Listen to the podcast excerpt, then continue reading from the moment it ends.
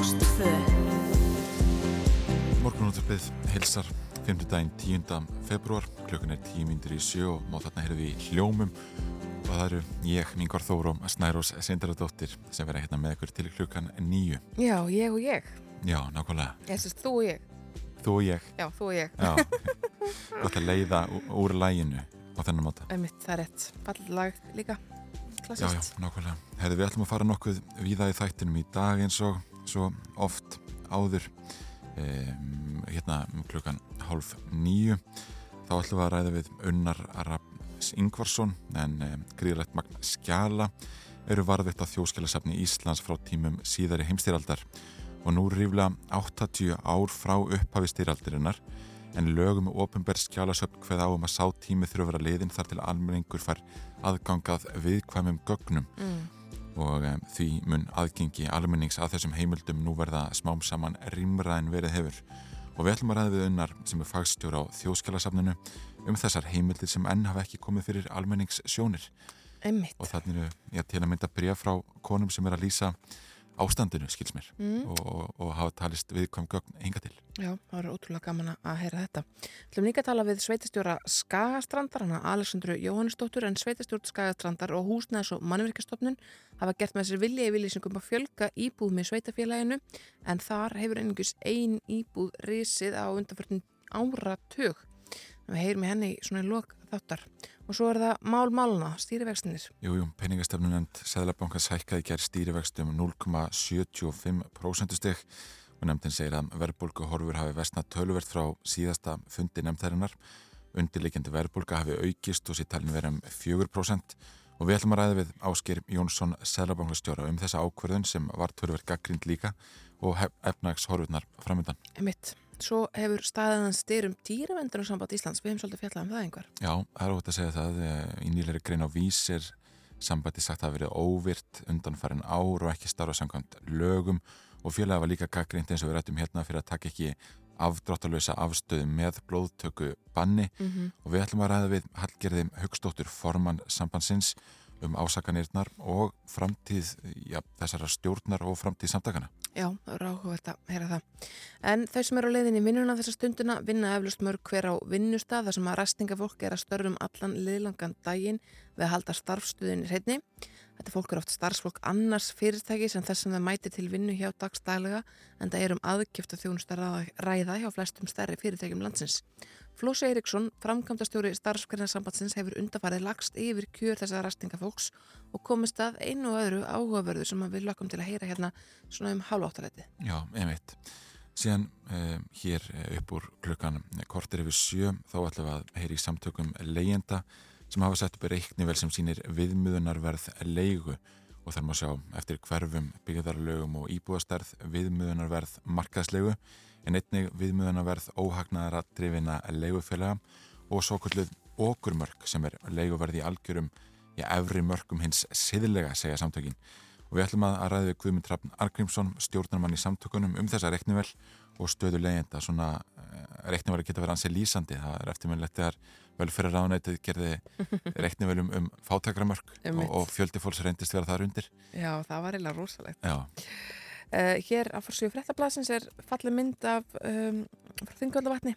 Björgunsveitin hefur komið búðum fyrir kafar og björgunafólku Þingaldavatn en í dag er stemt að því að ná fjórmenningunum úr vatninu eftir að flugvilin TFABB misti flugið.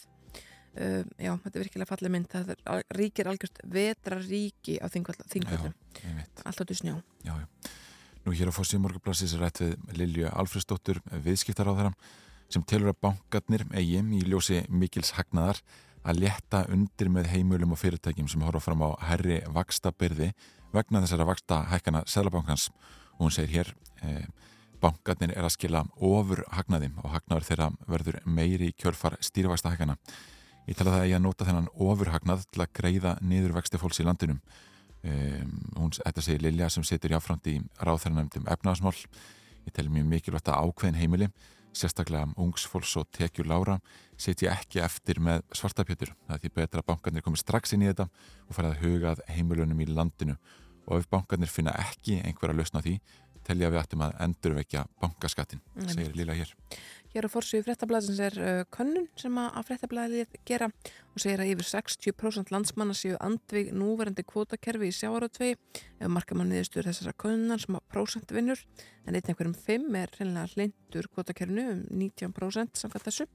Það talaðans hérna við Heirunulind Martinsdóttur sem er framkvæmtastjóri samtaka fyrirtækja í sjáaratvegi og hún segir að könnunin komur svo sem ekki á óvart. Hún hefur séð sambarlegar kannanir en hún segir, í svona umræðu finnst mér hins vegar mikilvægt að hafa alla söguna í forgrunni, markmið fiskviðstjórnarkerfisins var að koma á sjálfbærum veiðum ofumörg skip voru eldast við ofá að fiska, þorskstofnin hrundi afkoman var afleitt og hefði ofumberð þurfti ítrykkað að veita fyrirtækjum fjárháslegt liðsinni. Verkefni var því að tryggja umhverfislega, efnahagslega og samfélagslega sjálfbærni. Það er hérna fornilegt að velta þessu fyrir sig svona núna þegar að verbúðir vinsalasti sjónvastáttur landsins. Já, já, einmitt, einmitt. Um, Hér á fósið morgublassis er einni rættum uh, stöðuna á uh, orkukerfi landsins en takmörkunum afhendingar landsvirkjunar á raforku sangat samningum um skerðana orku til fjármarsveitna á köldum svæðum uh, fjárvar, fjárvarma veitna segi ég á köldum svæðum stóriði fyrirtæki á gagnavera kom til framkvæmda á miðnætti og áður hafði skerðing orku til fiskimjölsversmiði og fiskþurkana á köldum sveðum tekið gildi. Ástæðan fyrir því að landsverkjun ja, virkjar ákvaði samningum um skerðana orku er lagur vassbúskapur á hálendinu eins og við höfum nú rætt tölvertum í þessum þætti. Já, tölvert. En uh, það kom líka út bandablaðið í dag, það kemur út annan femtudag og þetta er þriðja tölblað ársins 2022 Uh, og hér er stórt viðtal á fórsíðunni við Haldun Óskarsson sem er svona potturinn og pannan hjá Örnu uh, mjölkurvinnslu í Bólangavík og það stendur hér hennanlega að að Arna stefnið að útflutningi á laktósafríu skýri til Fraklands á næstu mánuðum en allir líka stóra markaðslull á því sem kallað er júrta mjölkuvörur eins og hafara jógurt og hafara skýr þannig að þau eru að fara í ja, þessi mjölkuvinnsla er að fara fullt greinlega í vegan vörðnar Já, einmitt, það, það er áhægt Ég, það er bara mjög spennandi því að, að, að er vörur hafa verið að auka hluteld sína á íslensku markaði mjög hratt, bæðu þetta því að margir velja reynilega já bara eh, dýra afröða lausan mat, eh, það eru alltaf fleiri og fleiri sem að fara þá leið en líka þetta fleiri og fleiri sem er að, að hérna, glíma við smá óþúl um út af mjölkuvörunum geta þá sleftið að velja laktósufríu vörunar hjá örnu og fara frekar í bara hreinlega veganvörunar sem að innihalda enga mjölk. Já, já, einmitt. Nú í gær eh, greindist eh, langmesti fjöldi koronavirspilna sem nokkur sem hefur greinst innanlands. Eh, þetta voru 2254 smitt. Það er nú staðinni svipuð í annar staðar. Eh, Markus Þórólsson, fréttamaður Rúf, skrifaði það í nótt að, að ála hafi eigst verulega á sjúkrahús í færum Það er nokkur fjöldi sjúkrahús starfsfólks smitaðar af COVID-19 og koronavíru sjúklegum fjölgar þar og fórstjóri sjúkrahúsin segir ástandi þó já, enn viðræðanlegt en það er, er kannski hérna, eru færri að leggjast inn á spítala núna en, en áður þráfur að smutum fjölgi í samfélaginu. Já, já, einmitt. En þetta er auðvitað svo sem allt samkvæmt áallun, það verða vantilega tilkynntar uh, afmarkanir hvað? Já, reytingar á, á fyrstudaginn. Já, morgun. Já. já, er það ekki? Það er á morgun. Tíu dögum fyrir áallun. Uh, það verður áhugavert að sjá hvað gerist þá en, en uh, það má reynda það sem að geta að, að veitningamenni miðbærum þeirra var svolítið verið að gaggrina þessar tímasetningar á þessum afletningafréttum alltaf já, já. alltaf förstu degi, kannski tekur gildi á miðnætti, það getur þurft að það þurfa að hlaupa rætt þessar manna vaktina já, kaupa byrðir og svo framvegs að það er svona, já, það, því verður ekki verið svarað Það er svona lítill fyrir sjáanleiki í þessu, getur við sagt Einmitt. En við þurfum að skipta yfir á fréttastofuna og koma svo að vörmi spori með veður og færð og stútfullan þátt af skemmtileg heitum. Þú ert að hlusta á morgunútvarpið á Rástvö.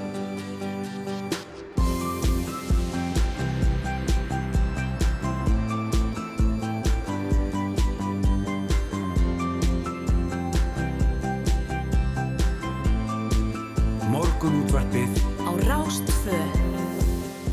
Jú, við bjóðum góðan dag hér í morgunúðarpinu, sjö frettir að baki og tveir sneisafulli klukkutímar framöndan hjá okkur af um, alls konar viðtölum og frettaefni og skemmtilega heitum og veit ekki hvað og hvað. Já, já, það er alveg óvægt að segja það. Hér um það byrj kortir yfir sjö um, fáum við samtök leyenda til okkar. Þau hafa sett upp reiknivel sem sínir viðmöðunarverð leigu á svona varpa betra ljósa á, á stöðu leyenda og Guðmundur Hafn Argrímsson, stjórnarmæri í samtökunum, kemur til okkar. Einmitt.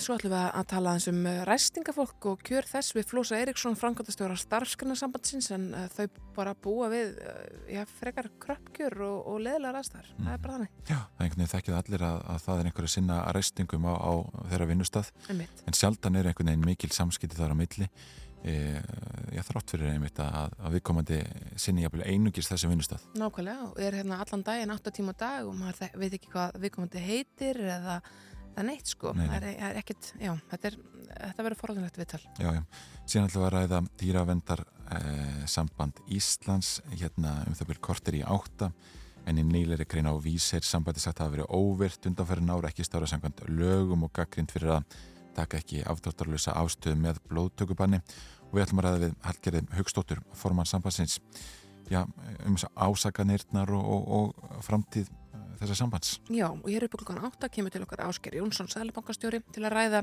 stýrivexta hækkunina í gær 0,75% stig sem að, já, meðal annars Drífa Snædal, fórsetið ASI, lísti sem áfalli. Já, já, einmitt.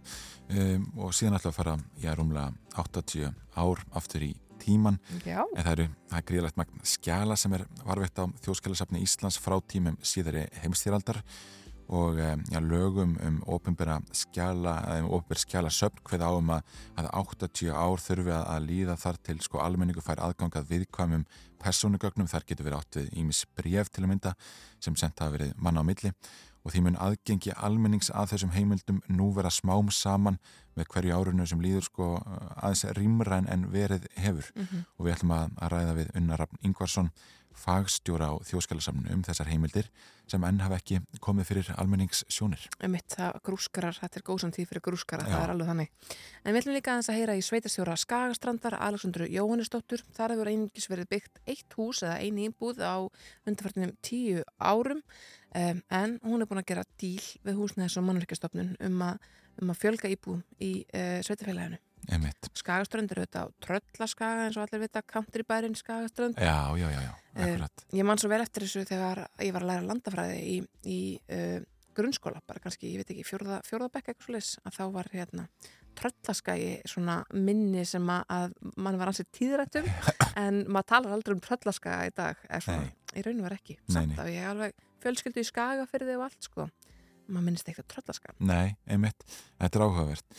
Við skulum kannski aðeins líta til veðus eh, þegar maður vaknaði í morgun og leita á síman þá, blöstu við mínus nýju gráður en, en staðan er nú aðeins skári en, en eh, svo hér á vef veðustofunar eh, í hulegu veðufræðins kemur fram að það eru söðvestlagar áttir í dag með stöku jæljum vestanlands en bjarta mestu fyrir austan.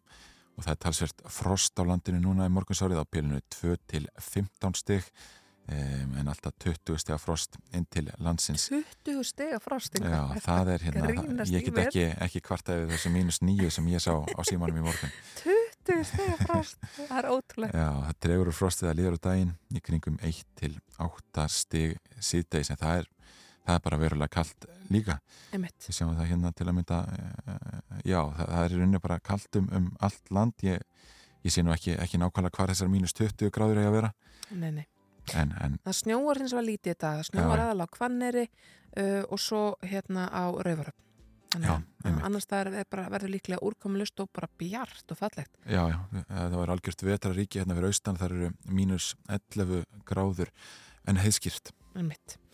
Kíkjum aðeins á vegagerðarnar þá um, er áætlað að að lokun standi uh, á þingvellum í dag vegna aðgerða við þingallavatn og standir yfir frá klokkan 8 og fram eftir degi eða kvöldi 10. februar og 11. februar. Það verða lokunapóstar við afleggjara að stengirumstuð og við veiðilund og kannski ja, fólk sem á sumbústaðsvæðinu og svo rannvegs sé meðtöð um þessar lokanir í dag. En það er líka betra færð um allt land, hálkublettir á vegum og eitthvað um hálku á höfuborgarsvæðinu og hálka og hálkublettir á öllum helstu leiðum á vesturlandi en þungfært um kjósaskarsveg og ófært um krísuvíkaveg. Á vesturlandi er hálka og hálkublettir eða snjóþykja á öllum leiðum og vegurinn um dynjandi seiði er lokaður. Það er ófært norður í Árnesrepp og hálka á flestum leiðum á vestfjörðum. Já, einmitt.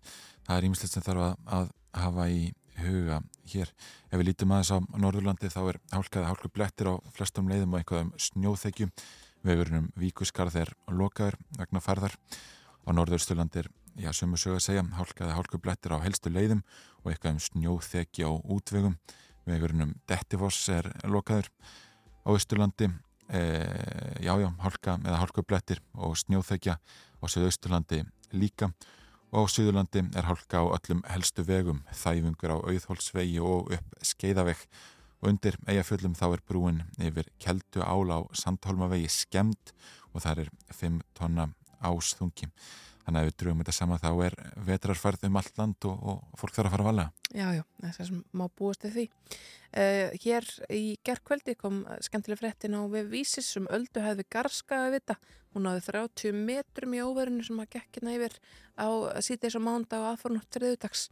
Uh, svo var greint af því í gæra það var einhverja metöldur slói yfir 40 metrana og þá bara er ekki að mæla lengur Já, einmitt Þetta er enn meira en, en sko sjólags vegagerðunar hafi gert ráfyrirhaldi Já, ég held að þau hafi gískað á að gætu farið allt upp undir 18 metrana mm. þannig að þetta er Já, ég er bara fegin að ég stóð uh, á þurrlandi fyrstum fótum Já, já, það kemur hérna fram að það veri heppilegt að það hafi verið lástremt á þessum tíma og sjávarstaðan því hagstæð. En við ætlum að heyra smá tónlist. Þetta er lægið One Day með Sycamore Tree. Svo komum við hér að verðum spóri.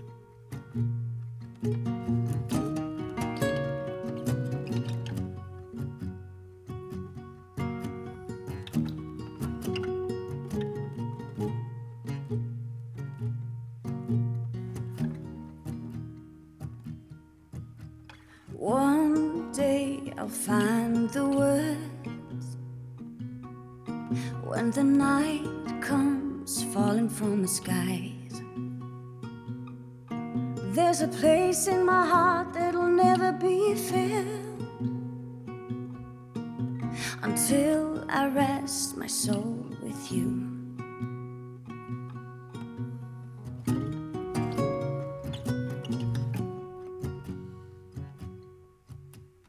Everything seemed once upon a time an ocean away from my soul. Like the place between sleep and awake, where he just sleeps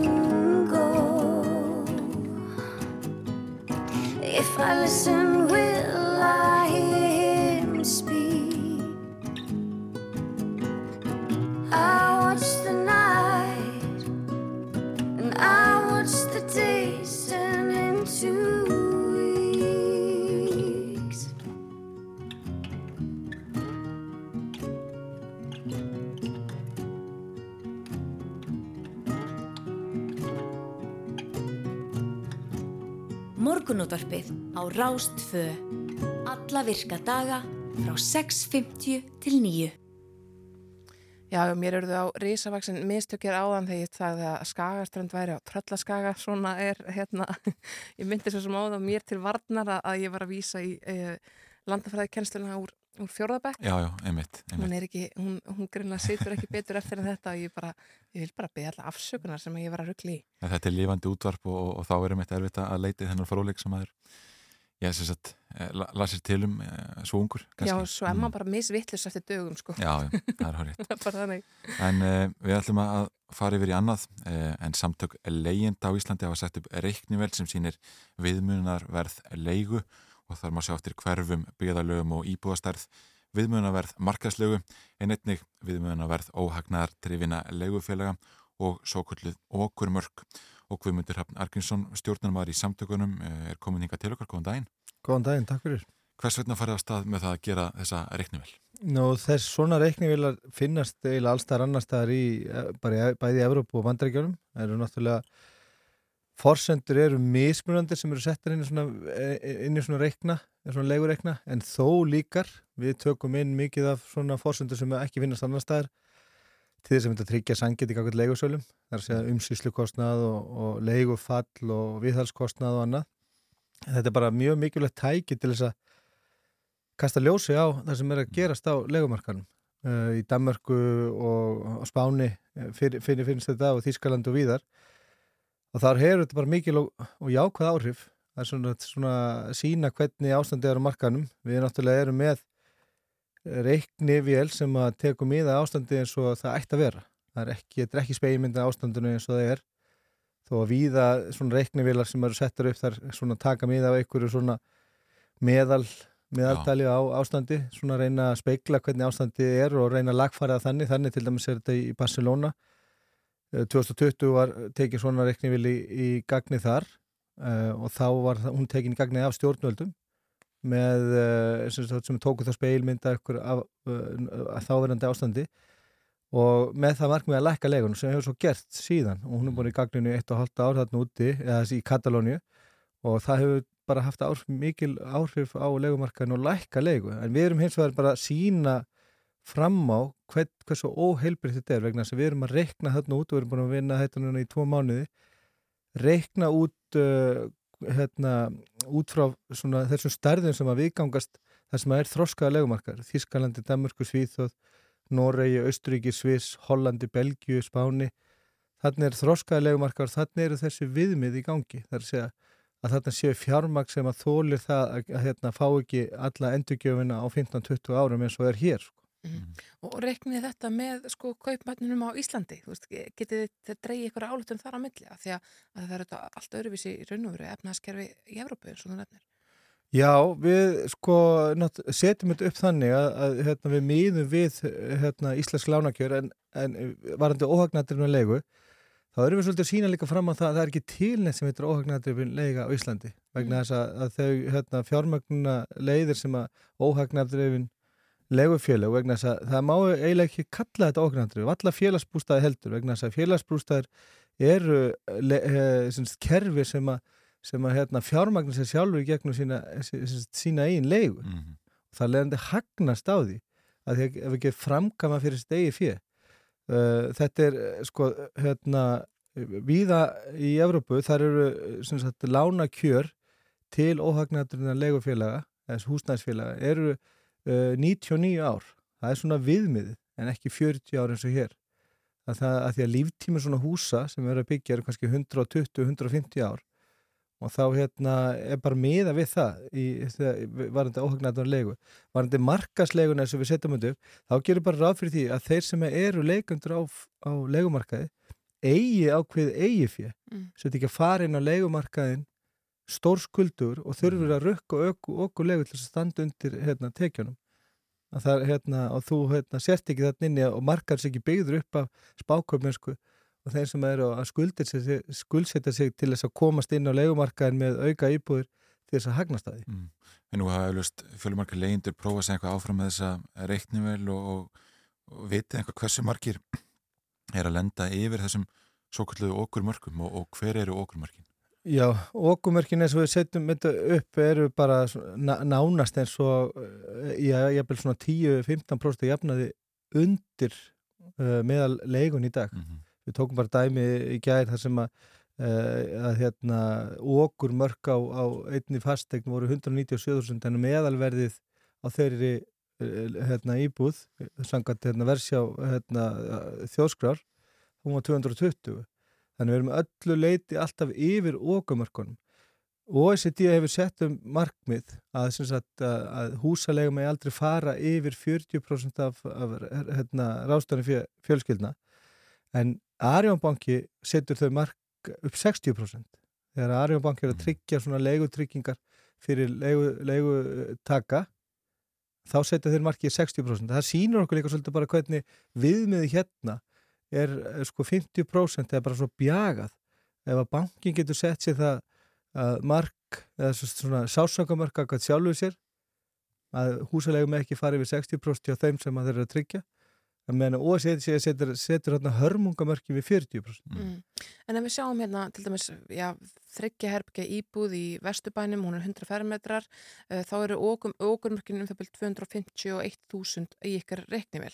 Sko, en er það ekki bara það sem að lánið á íbúðin er, fastegnagjöldin, hitt og rammagn, eða þú veist að já, hitt og rammagn, uh, jafnvel húsfélags, hérna, hússjóðurinn, þú veist, eru við þá ekki komin upp í 250.000 krónur og það er raun og veru kannski Já, það eina sem að, að hérna, leigu salar, veist, það er bara verðið sem að þeir rétt setja átt svo þeir sé ekki hérna að tapa á leigunni. Já, sko, hvað, hvernig getur maður uh, tapað á því að eiga fastegn þegar hún hækkar um 10-17% á ári í áratvíi? En, en bara svona sko á mánagrund til þess að þeir að leggja meira út í eignina heldur en þeir eru enn til að fá tilbaka. Nei, við tókum bara dæmi uh, hérna, um hérna, einstaklega sem kaupir 14 miljonar krónar íbúið í breiðholtinu árið 2014 Hann er búin að þjena íbúinu 213.000 krónur okkur einasta mánuði síðan í, í hækkanir á, faste, á fastegninni mm. og getur ekki tapað á þessu.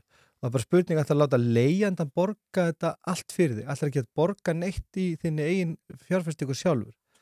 Þetta er bara grundvallar spurning vegna þess að þú getur ekki bara velt þessu öllu út á leijandan og sagt þetta að leijandan kaupa þetta fyrir mig bæði borga mig tilbaka með, með vöxtum mína einn útborgun mm -hmm. og svo haldi uppi öllum kostnæðinum eh, hérna, við reksturinn íbúinu öllu og ríflega það vegna þess að það mörg dæmi það að leyendur eru að leia ekki bara fyrir kostnæðinum heldur líka umfram það. Það mm. eru að veita kannski leigusalunum sínum á bara ákveður ekstra fyrir. Við veitum fólk sem er bara hálfbáttinn að lifa á þessum leigum. Þannig að, að þú verður að taka þetta inn í reikningin að þessi gríðarlega hagnaður húsægandan sem er að verða í þessari verðmyndun mm -hmm þessi steiknamyndin sem verður til þegar leiðjandin er að borga hérna, allan fjármarskostnað og landokukostnað og lánin á meðan að sagt, uh, verðhækkunni verður til staðar. En, en þá getur engin árið leigusalinn ef mann eigi bara feitan sjóð? Já, þú verður að, sagt, þetta er kannski það óeðlega við íslenska legumarkað, að hann er uppfullur af uh, sagt, einstaklingum sem er að kaupa aðra þriðju fjórðu íbúðinu sína til þess að að hérna, setja út á legumarkaðin stórskuldir, mm -hmm. uh, illa fjármagnaðir og þurfa að velta þessu öll út í leguverðið og er reyn, raunin reyna líka að lifa á þessu. Það er fjölmarki leigusalar sem að eiga eru með eina, tvær, þrjár íbúður og eru reyna að lifa reynlega sem leigusalar. Og þetta er náttúrulega mjög óðurlegt að, að sko, uppistana legumarkaðinum er reygin svona og þetta verður til þess náttúrulega að, hérna, að það er mikið þrýstingur á fastegnumarkaði þegar svona margi vilja komast inn og kaupa svo auka íbúðir mm. og þetta er til dæmis í Danmarku talið verða óheilbreyðast af fastegnumarkað ef það er óregluvættu leikumarkaður vegna þess að það veldur svo miklu þrýstingi á fastegnumarkaðin og íti verðinu upp. Já, en væri þá ákjósanlegast að mati að samtaka leyenda að það varu einungis óhagnaðadrifin leigufélug? Nei, alls ekki. Það þurfa að vera, óhagnadrifur legufílu þurfa að vera bara með 20-30% markan, ekki mm. 5% eins og er núna. Víða eru eins og í Austríki eru bara 80% af fastegnumarkanum óhagnadrifin legufélag. En við viljum bara sjá náttúrulega, það er svo margþætt sveitafélög, lífyrirsjóður, verkefælisfélög og þeir sem hafa félagslegt fjármagn þurfa að koma inn á markað í, með stórkostlega byggingaráform. Það þýðir ekki að vera skreita sem er einhvern þúsund samningur sem að eiga að gilda í nokkur ár, mm. menn að heldur ekki svona yfir fólksfjölda eða svona íbúðþróun. Nei. Það bara, það bara gengur ekki. Já. En hver hafa viðbröð leigusala verið við, ég bæði þessari reiknavel og svona aukinni bara til ykkar? Það, þau hafa verið blendin. Marki leigusala hafa bara reynlega, sko, ef þið lesið bara samfélagsmiðla, það er bara reynlega verið að býða eftir þessu vegna þess að þeim vantar þessi viðmið í stæðin fyrir að kíkja alltaf á hérna, svona markasverði vegna þess að margir sem að eiga skuldlittlar og skuldlausar íbúður hafa kannski ertitt og svona þurfa ekkert að leiði þetta á 250 krónur 8500 íbúð. Hérna, með meðan að sko markaslegan myndi vera sem, sem hluta kaupverði ef við miður bara við eins og annar stað reiknað. Númbeo er hérna alþýði hagstofa netinu sem að sína fram á hvernig leiguverði sem hlutallega kaupverði er viða Európu þá ætti leiguverði á Íslandi verið svona 30-40% lærra og þetta er bara það sem við viljum að, að hérna, þessi vitundavakning okkar gagvat leigusölum og gagvat leyendu líka að leiguverð er bara allt og hátt og það er búin að rukka hérna 45-50 miljardar í umfram húsalegu á hverju einasta ári mm -hmm. í sístu tíu ára í Íslandi. Viltu að stjórnvöld, bara rétt í lokin, vilt, vilt að stjórnvöld komi inn í þetta með einhverjum hætti, setja eitthvað reglur um að, um að það sé reynilega bannað að hagnast á legu? Nei, ekki bannað að hagnast á legu, þú getur vel ekki tapað á því. Nei. En við viljum að, að sé sett hérna um regluverk, bara eins og allstaðar annars þegar Örbu, mm. bara þétt regluverk, viðmunum er húsalegu, legu þak og þessi líka bara sett þak á hversu lega má hækka. Þetta er allstaðar annars staðar. Þetta er mjög áhugavert. Guðmundur Hafn Argrímsson, stjórnumæður í samtökum Leind á Íslandi. Takk fyrir að koma til okkar. Takk fyrir mig. Við ætlum að heyra smá tónlist og skipta svo yfir á frettastofuna. Þetta er Don't Stop með Fleetwood Mac. Uh, já, og svo komum við aftur með fullan þátt af efni.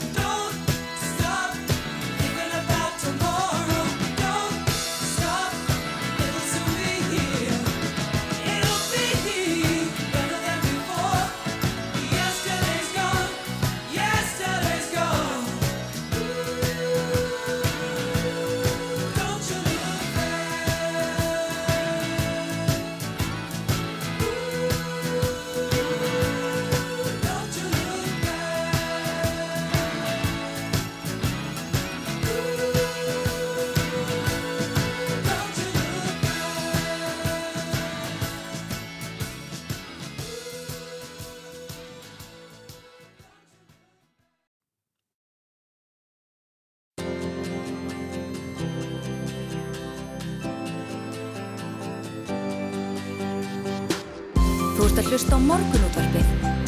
á Rástvö.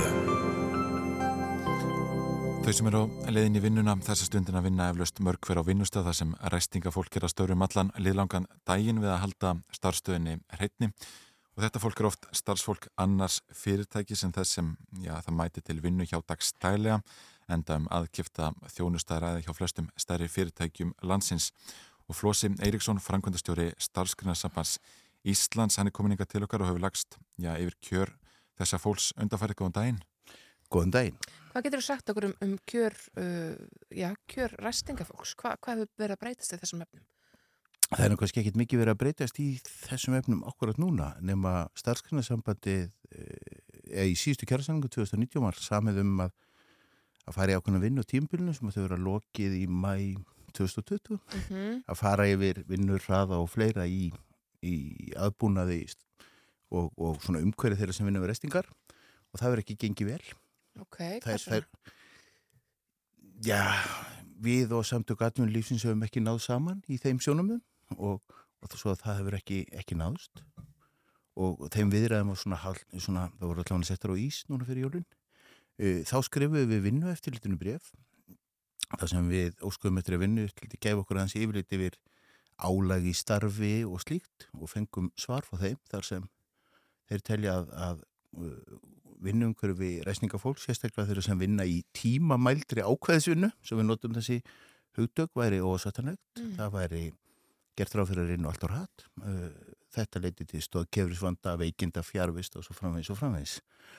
Svo leiðis að, að hvað við segja, vopnu þessu áliti vinnu eftir síns, þá erum við að undirbúa okkur fyrir kjara sanningarna sem renna núna í haust og það er breytingar sem þurfa náttúrulega að vera á vinnu umhverfi þeirra sem vinna við restingar á almennu markaði og einmitt eins og þið segir réttilega mörg hjá þessum afskaflega stóru fyrirtækjum og jafnframt þurfum við að bregðast við þeim breytingum sem eru kannski að verða í þessu starfi eða hafa orði í þessu starfi eða þessum störfum undarfarin 5-10 ár Mhm. frá því að það var ekkert starffólk uh, hlutastarfi hjá stopnuninni sem kom oft úr öðru starfi eða eftir skóla og, og skúraði í, í þetta, að þetta, er, þetta er starf sem fólk sinni frá 8-5 eða, eða allavega 8 tíma á dag.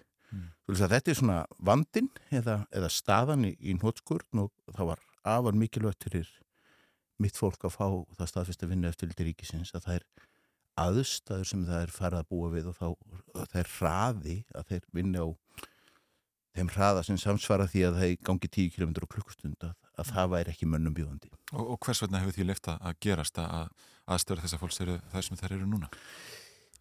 Já, það eru nokkri samverkandi þættir. Það sem hefur breyst er hvað þetta er orðið hjá mörgum aðalstarf. Og, og við, e, við þekkjum það öll að við getum unnið á ykkur ákveðnu tempó eða í stuttan tíma Mhm. en, en ka- ekki svona langan tíma. Það hefur breyst, það hefur líka breyst hvað mikið af þessu fólki vinnur hjá þessum stóru fyrirtækjum og, og hefur, og við höfum áhyggjur af því að það sé kannski beint í kjara samningi er ekki beint í tengslum við neitt. Þú vinnur hjá ræstingafyrirtæki, þú kemur þanga á mótnan og tekur bílinn eða þú ert á þínum eigin bíl. Svo ferðu yngað í útvarpið eða hvert sem er og vinnur þar meira með allan daginn. Mhm. Þú ert uh, sérmert, uh, þú ferð ekki í kaffi með öðrum starfsmönnum, Mm þú ferð trúlega ekki í jólagjöfina, þú ferð ekki í starfsmannapartí, þú ferð ekki ársatíðina og svo framvegis og framvegis og, og ég held að við sjáum stundum eitthvað fólk ekki, ef það svo maður segja. Mhm. uh, hér á höfuborgarsvæðinu trúlega er þetta 80-90% fólk að erlendu bergibrotið. Svo kannski erum við að búa til í einhverjum skilningi pílundu ósýllegan hóp útlendinga sem þrýfa eftir okkur skítin. Einmitt. Þetta er svona frekar sjokkarandi hvernig þú leggur þetta fram að, þetta fólk, einmitt, það far ekki bóð í starfmannapartíin, það er ájafnilega ekki réttindi í mötunetinu og svo framvegis. Sko, um, það, við hefum lengi haft á, áhyggjur íslendingar af uh, útlendingum sem eru einangaðar í íslensku samfélagi, uh, búa jafnvel í, hérna, búa jafnvel í húsnæði sem er ekki í lægi og svo framvegis. Um, sko, er þetta kannski hvað einangraðasti hópurinn? Þetta fólk verðist bara vinna eitt eins og þú ert að leggja þetta. Nú, nú, nú, nú er ég, þurfum að fara varli í alhæf og auðvitað þetta allra handana fólk, Já, já. fjölskyldufólk og, og þitt. En, en vinnu aðstæðunar, vinnu umhverfið og svona þetta fyrirkomulag, e, það, það vekur upp þessa spurningur og hættur og við sjáum það líka það sem er að gerast til dæmis ofinbæra geiranum þar sem uh, starfsfólk uh, var mjög ofta ráðið hjá viðkomandi hilbriðstofnun til dæmis svo eru þær að bjóða útstarfið Mhm. uh, til einhvers konar spartnaðar og stór hilbriðstofnun á Söðurlandi sem voru nýju starfsmenn í þrifum á því, allir þeirri stofnun það var bóðið út og núna eru þeir fjórir eða fjóru og hálfur Mm. Eða fjóru og hálfu stöðu gild og þú þurfum Og- það að vinna töfald hraðar eða eitthvað. nákvæmlega ég ger ekki ráð fyrir að það sé þrifið sko tvöfald verð á skurstofunum og, og þurfa að vinna er tvöfald hraðar og, ekki. og, og ríkiskaup sem sér um að bjóða þetta út hrósa sér af spartnanum og þá færast þessi starfsmenn úr því að vera starfsmenn ríkisins eða sveitarfélagan verið í óbyrberu starfi með þeim réttundum skildum og, og sem þeir, þeir njóta þar Mhm. yfir í að vera starfsmenn og engamarkaði Mhm.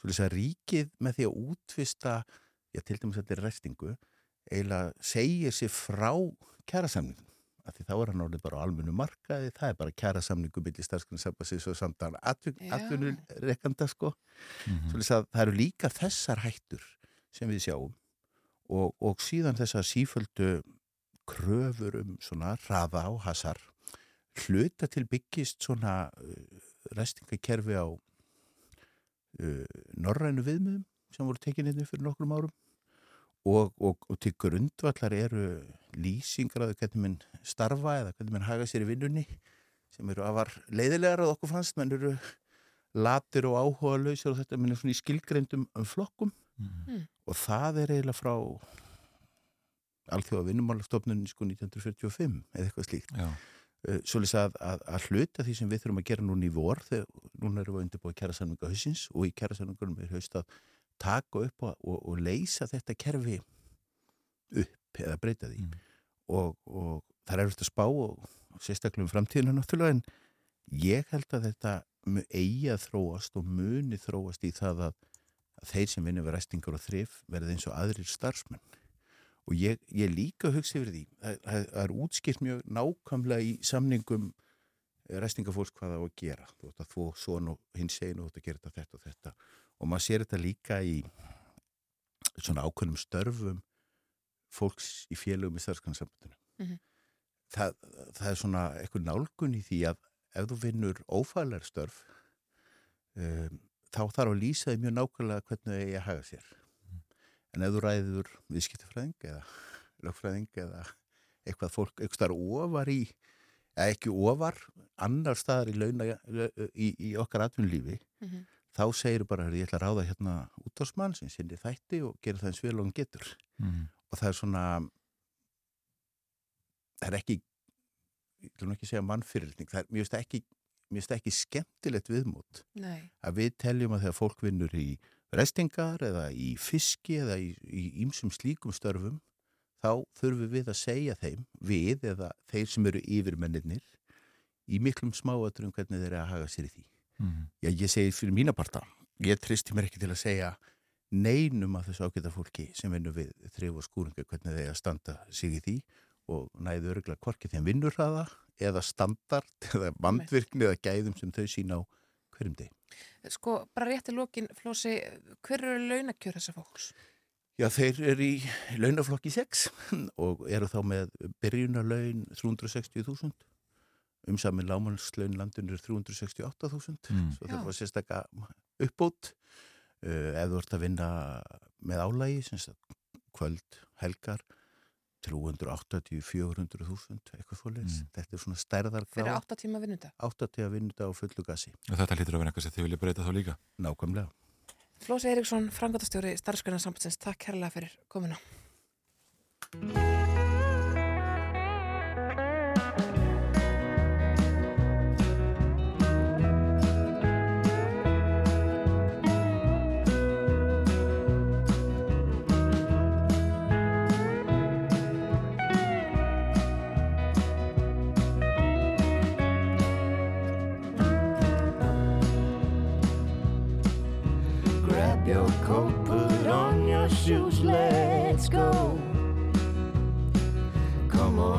baby, come get lost with me.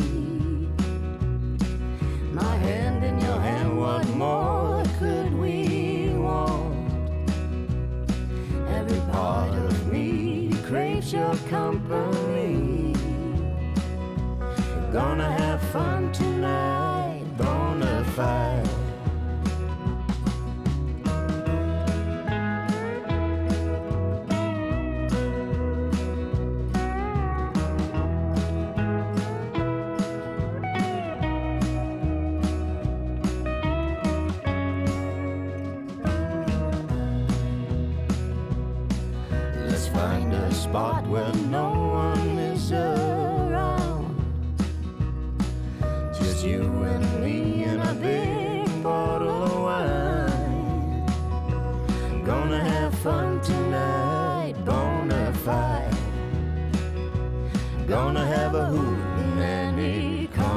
outside.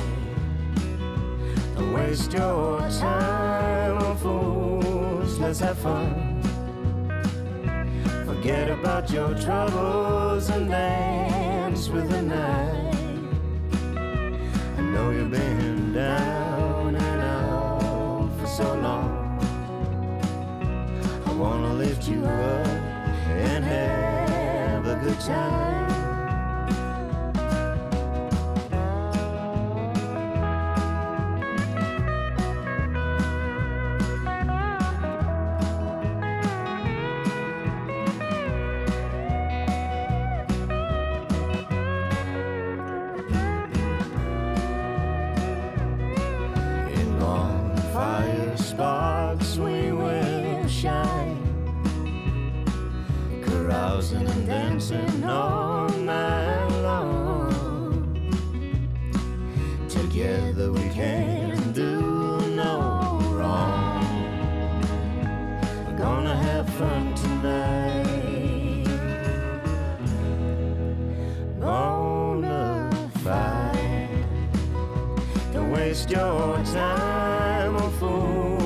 Have fun.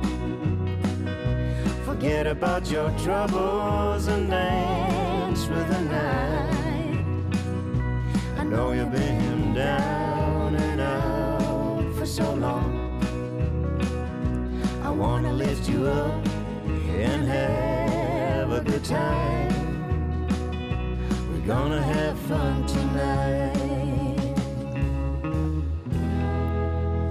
Bonafide.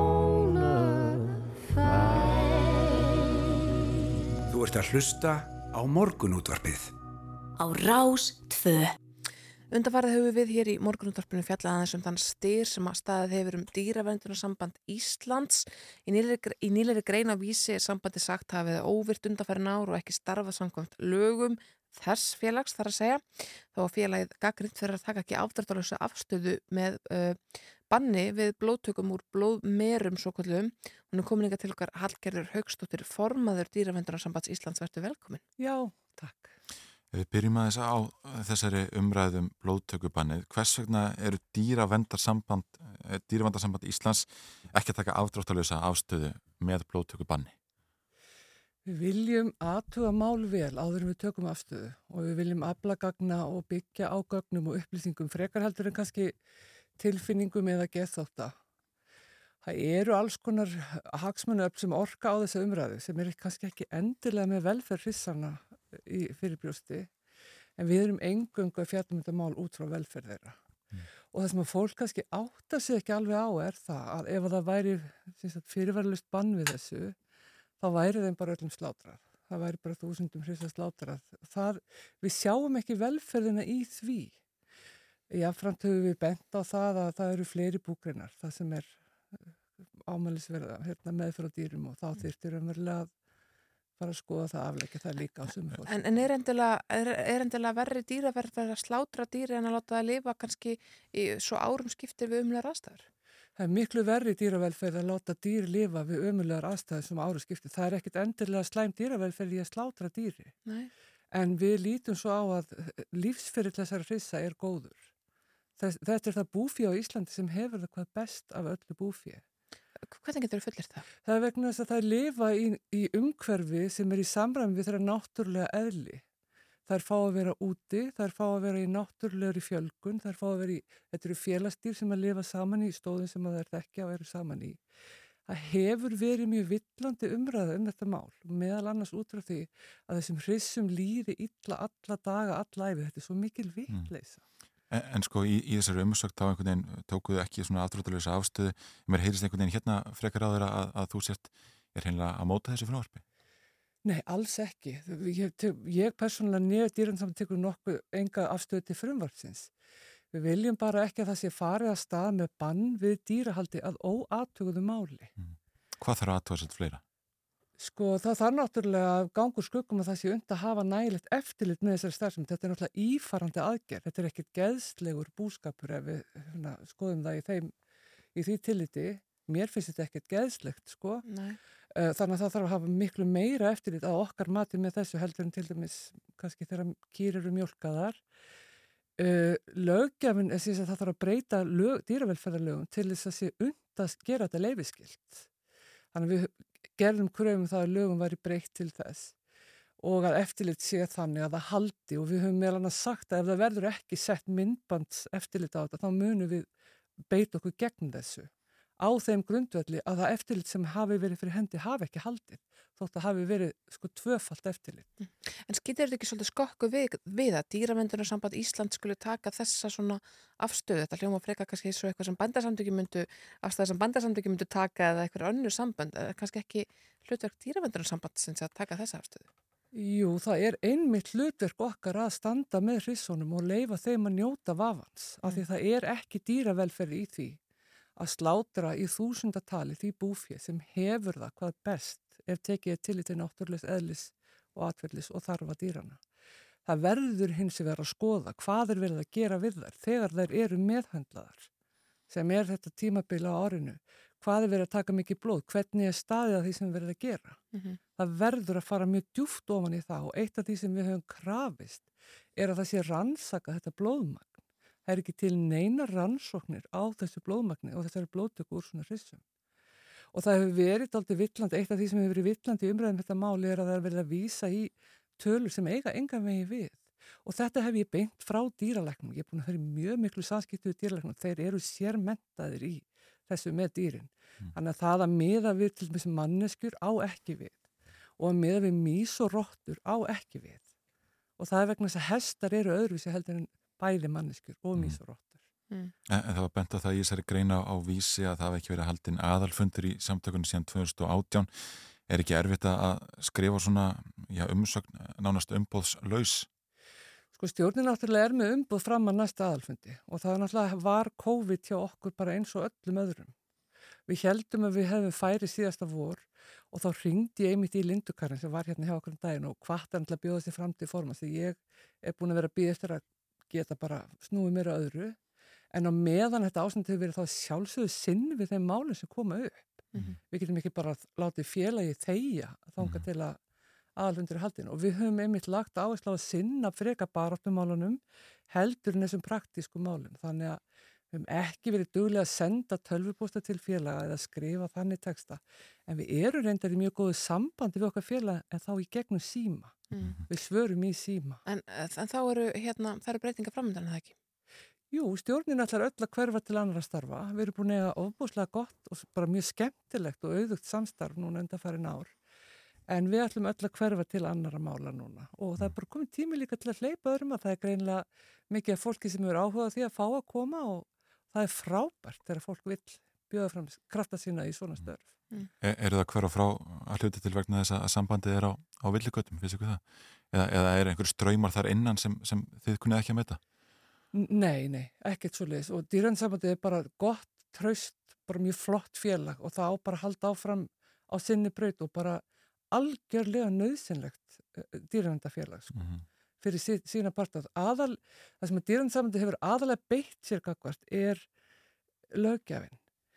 Sko þessi dýravendafélag sem eru svona með sérmál eins og ketti hunda eða skiljið með félag sem að snúast um sérmál, þau geta einbytt sér að eitt félag er bara bjarga kísum og annar Mhm. félag er bara finna týnda hunda eða skiljið mig, en dýransamandi er svona daldið svona reglífa samtök sem að hafa svona verið að skipta sér að heildar myndinni og þar bara hefur það mjög mikið hlutverk. Mm. En þið eru að fara að stað með, með ný samtök?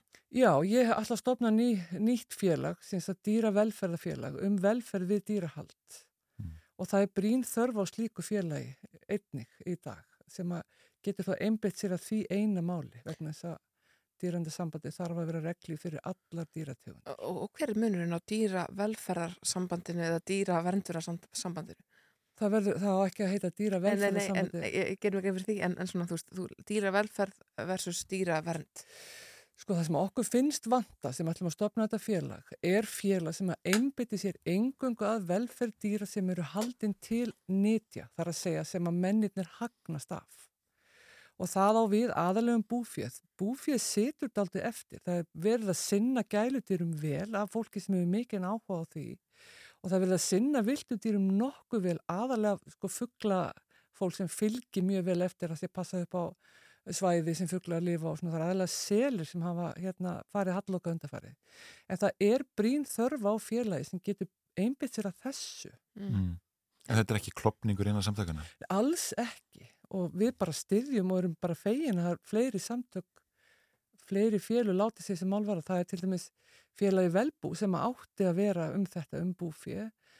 Það hefur endur ekki haldið aðalfundi í tíu ár en er samt virt á samfélagsmiðlu þannig að þetta, þetta er svona aldrei alla vega. En það félag var svona yfirtekið af fólki sem er á móti dýrahaldi, Mm. burt sér frá velferð.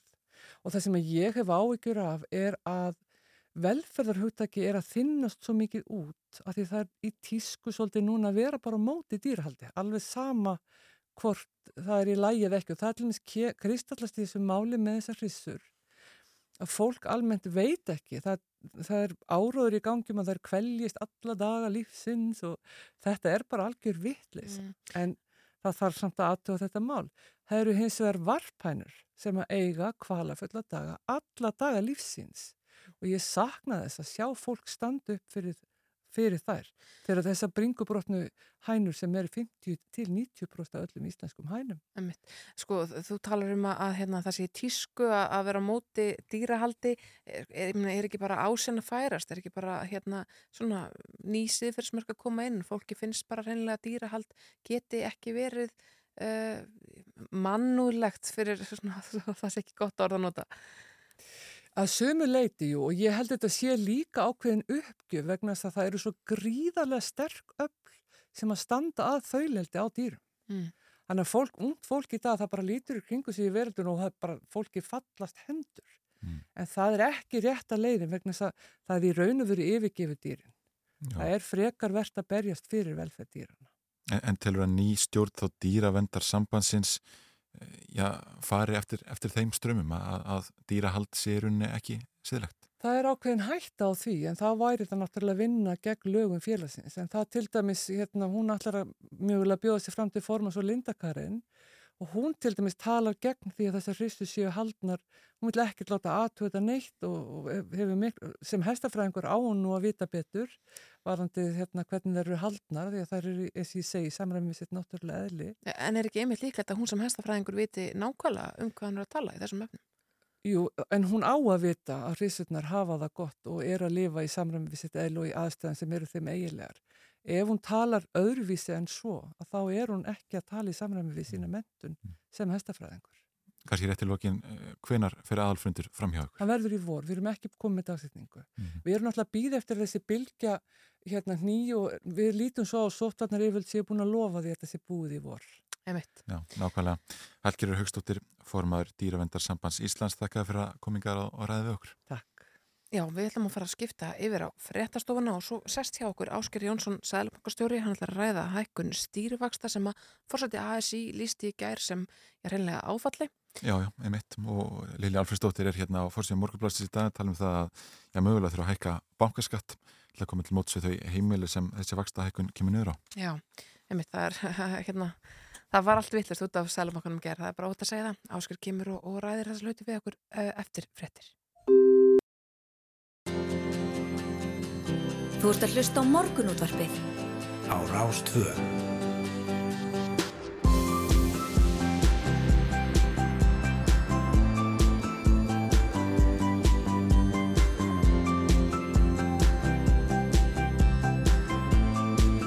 Morgunútvarpið Á Rástfö. Áttafréttir að baki og morgunútvarpið heldur hérna áfram. Yngvar Þóru Snær og Sindradóttir með ykkur til hluga nýju. Við erum búin að fara víða í þættinum í morgun. Við rættum við samtök leyenda á Ísland, Íslandi. Rættum við ja, framkvæmdistjóra starfskrinarsambandsins og aðeins um dýravend. Einmitt. En Ásker Jónsson, sælubankastjóri, er að fara að koma sér fyrir hjá okkur og ætlum að ræða þess hækkun stýrivaksta.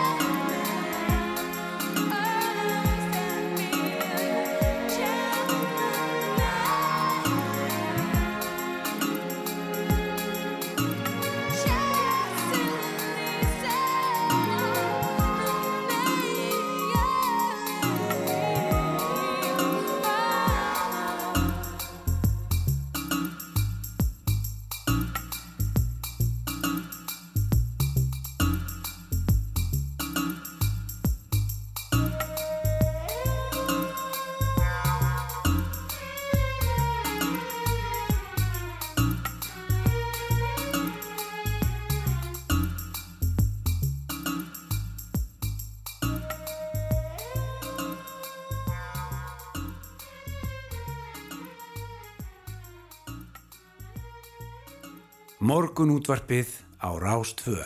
Ég veit að Björk með Winis as a Boy en hjá okkur er sestur Ásker Jónsson Sælabankastjóri, hann, eh, já, hann og hans fólk hækkuðu stýrivexti í gærum 0,75% sem að, að fórseti ASI lístir hérna sem áfalli, verður velkomin Ásker Já, þakka þið fyrir.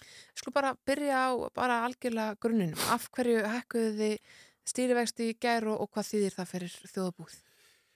Já, við andala hækkum stýrivexti, við hækkum stýrivextinu voru 2% og núna eru 2,75% og þeir eru uh, fyrir akkurat tveimur árum þegar COVID faraldurinn skalla og þá voru stýrivextir 2,75 og við tókum það niður í 0,75 á bara mjög skomum tíma mm -hmm. til þess að keira hækjur áfram því þá var, voru leiðin alveg gríðilega mikið samtrátt og það í rauninni var efnarslífi bara stöðvastuð og ferðið hans horfin. Núna er COVID búið og og þetta verður hefnast mjög vel þar að segja að, uh, að efnarslífið komum bara fulla ferð störfinu komum tilbaka og uh, allt að gerast og hérna, verðbólka komin upp í 5,7 og þá er að fyrir okkur að vera bara með stýruvist í, í 2% við þurfum að aðeins að hækka þá mm. en, en þetta er svona og við, við erum náttúrulega að hugsa fram í tíman við, þannig, að við, þannig að það er okkar hlutverk að halda stöðu verðlegi og já, þá má ég segja það og þá verður við ekki stýrvesti er náttúrulega, ég kan sem tala um ykkur réttið við sem erum, erum með önnutæki líka sem við erum að beita samhliða. Mm. -hmm. en við verðum að gera þetta núna. Mm. Við höfum rætt hérna við, ég til að mynda Áskilbrínar Torfarsson, uh, doktor í viðskiptufræði sem tala um það að, að vera sífilt að hækka stýrivextina síðan svona gamaldags tæki til, a, til að hemja markaðin einhvern veginn.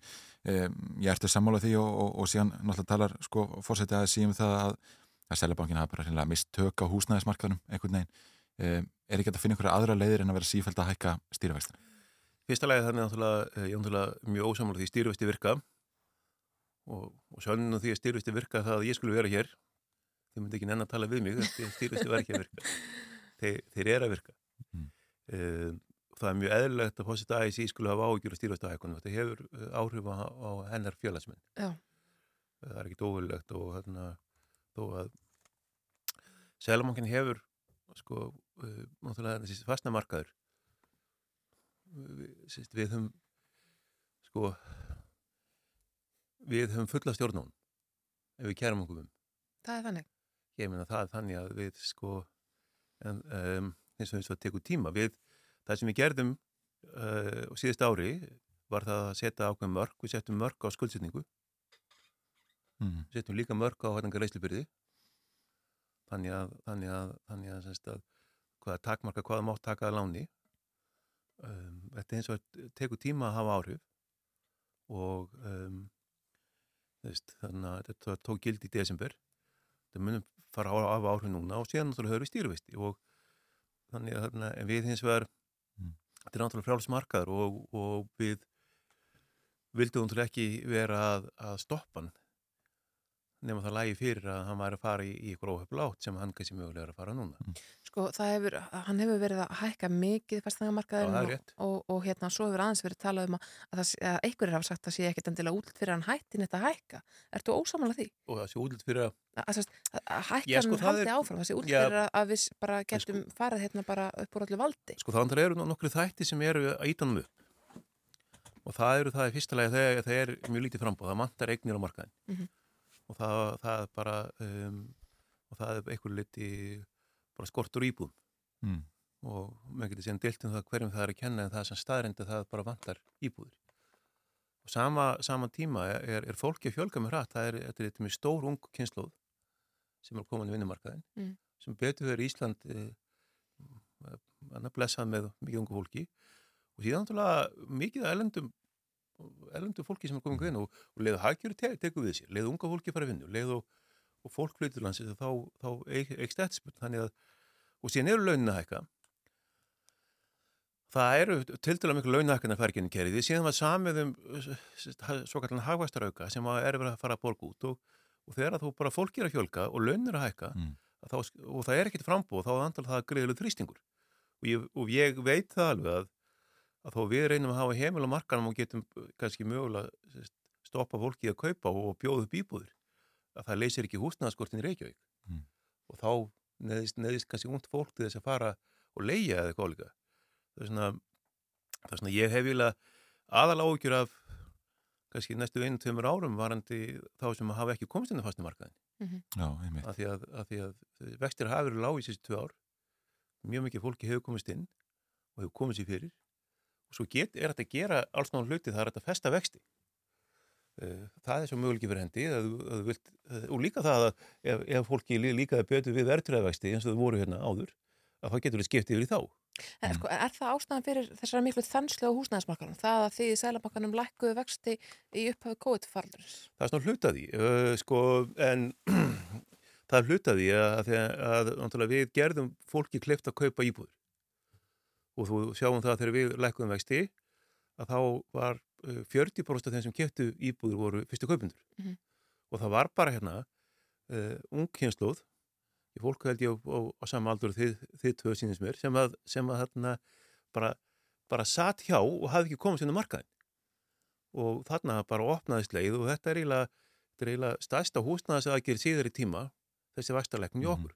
Já. og, þ- og þegar við lekkum vexti þá það var daldið af, af ósjöldum íbúðum og það er jafnvel verið að tala um það að byggingavertaka var lendir í vandræðum þarna á þessum tíma en, og það tók átta mánuði að, að toga þann slag út. Mhm. og þarna þannig að þarna en, en, en, en sko, en þegar þú tala um er það þannig að, að, að, að, að, að, að það er skiljið það er, hinn, hinn gruna ástæða sem er eitthvað fastamarkan, er demografin, fólkið. Við, við búum ekki til fólk með því að læka vexti. Nei. við gefum því kleift að kaupa og þó þegar við hækkum vexti fólkið er áfram og það þarf áfram að eignast húsnæði og, og það eru þessum mál sem við, við sem ráðum ekki við Sko það var viðtal í kvöldfröttum í gær við ungar mann sem svona nýlega festi kaupa sinni fyrstu íbúð. Eh, Hann segir að stýrivæsta hækkanir, ég muni líklega hækka mánuðarlega greiðsluberið hans um ég hátti 30.000, þetta er ungu stráku sem vinnur á, á kaffihúsi. Eru þessar aðgerir um, að hækka stýrivexti og, og að, að hámarka greiðsluberði, er þetta ekki alltaf að koma neyður á þeim verst stöttu, unga fólkinu, tekjuláum? Jú, það er hérna, ég þarf að segja, ég, ég held að hans er nú no, nokkuð góður og hafa reknað strax hvað áhrif er eins að við erum eftir að sjá hvernig þetta kemur fram. Það þarf að segja að, að, að, að, að ég er ekkit endilega vissum að það- þó við hækkum í 75 punta að það komum fram í 75 punta hækkunum á vöxtum. Um, svo er annað breytileg vextir eru þýð, þýða breytileg vextir og um, þannig, að, þannig að þú getur fest á. Mm. En, en það er alveg rétt. Um, um, það er um, það er eitthvað sem við sjálfsögur ráðum ekki við að það er ákveðnir hópa sem kunna sem, sem það kann að lenda ítla á og þá mm, eru aðra aðlar ríkisjóður eða stjórnvöld sem geta komið komið þar inn Mm. og, og, hérna, og mér kemur það ekkert óvart að húsnæðismál væru, væru hans stærsta atriði næstu, næstu já. og, og, og, auðvitað, sérst, og, og fyrir verkefælisfjölinni ég áttam við alveg þeirra afstöðu að, að það er ekki gaman að þau, þau semjum kjarabætur launahækkinni fyrir félagsminn og síðan bara hækkar húsnæðisverð og, og, bara, og þessi hækkun launa fer í hærri leigu Já, já. Sko, það, það, það er mjög, mjög, mjög verið skilunlegt sko. Já, já, Lili Alfredsdóttir viðskiptar á þeirra tala um það hérna í, morgunblæðin í morgun að já, bankarnir eigi í ljósi mikil sagnaðar að létta undir með heimilunum í kjölfar þessarar vaksta hækkunar til að mynda með því að, að setja aftur á bankaskatt. Hvernig hljóma þessar hugmyndir?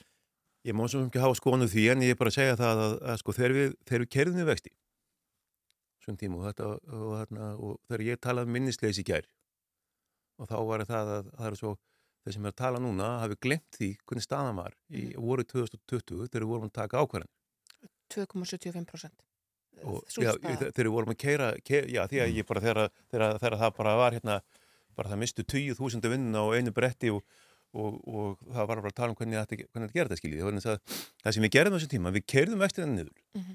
uh, við líka það var lausafegin í seglabankanum sem við lokuðum á, við hendum því fangið á bankunum og, og það sem að ég er mjög reygin að við sérst, ég er ekki nú þetta orð við, við, reynum, knúðum fram það að, að bankarnir skiluðu uh, vastalækunum okkar beint til fólksins í landinu Mm. og, uh, og þið sjáu það vextin sem, að, sem fólk, fólki fekk uh, voru kannski 3-4% og þarna á, á þessum tíma. Og ég, ég er mjög reygin um þessu. Ég tel að við höfum náð þá að koma á fót uh, nabbasta kerfi og það búið þessu landi búin við í 20 ára. Búið að vera að rífast og rála yfir verðtryggingu. Og það var krafa verkefælisfélagin að, að, að, að, að afnum hana.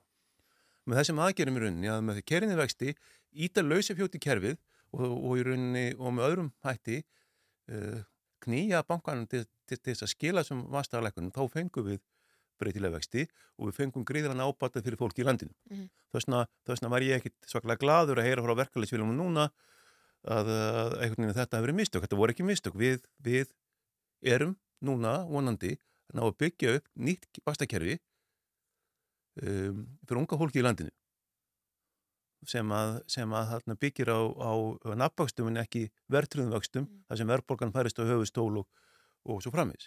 Sko, en hvað með fyrirsjánuleika í efnahagskerfinu ásker?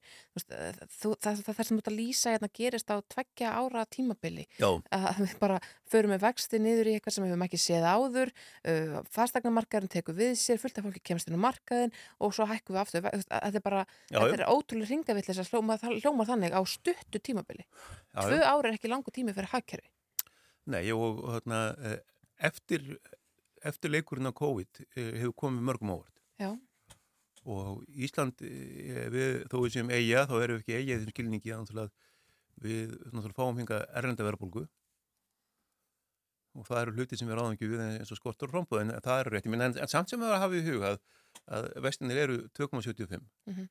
og, og, og um, við sem við höfum önnu tæki sem við höfum verið að beita til þess að reyna að halda stöðuleik eins og, og gældurisingrum. Við höfum verið að reyna að tryggja til dælu stöðut gengi. Reyna að taka gældurismarkan út til í svega þannig að fólk þurfi ekki að hafa áhugjur og gengisefnum. Mhm. Við erum núna líka að reyna að nota önnu tæki, fjármálastöðuleika tæki til að reyna að tryggja stöðuleik en þetta er alveg rétt. Þetta er hérna eh, ég hefði eh, þetta er alveg rétt ég eh, ég hefði ekki viljað verið í við skal játa það, ég hefði ekki viljað verið í þessari aðstöðu núna þegar þú hækka vextu svona mikið Mm. og, og við ráðum ekki við það ef, að- ef að helstu löndin í kringum okkur ákveða það að vera með 7% verðbólgu eins og bandaríkin. Og, og, og ég held í rauninni að seglmarkanir úti hafi sofið verðinum. Ég held að það muni koma mjög hraðar vastahækkanir þar inn. Þú sér ákveða að vera með 7% verðbólgu? Já, sko, ég verðbólgu komin upp í 7% í bandaríkinum á þess að seglmarkin hafi í rauninni uh, bröðist við að okkur marki.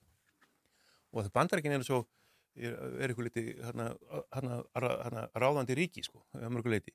En það er við svo sko ekki ákveða reyndar en eh, kannski réttið að nota það en, en hafa ekki bröðist við fyrr.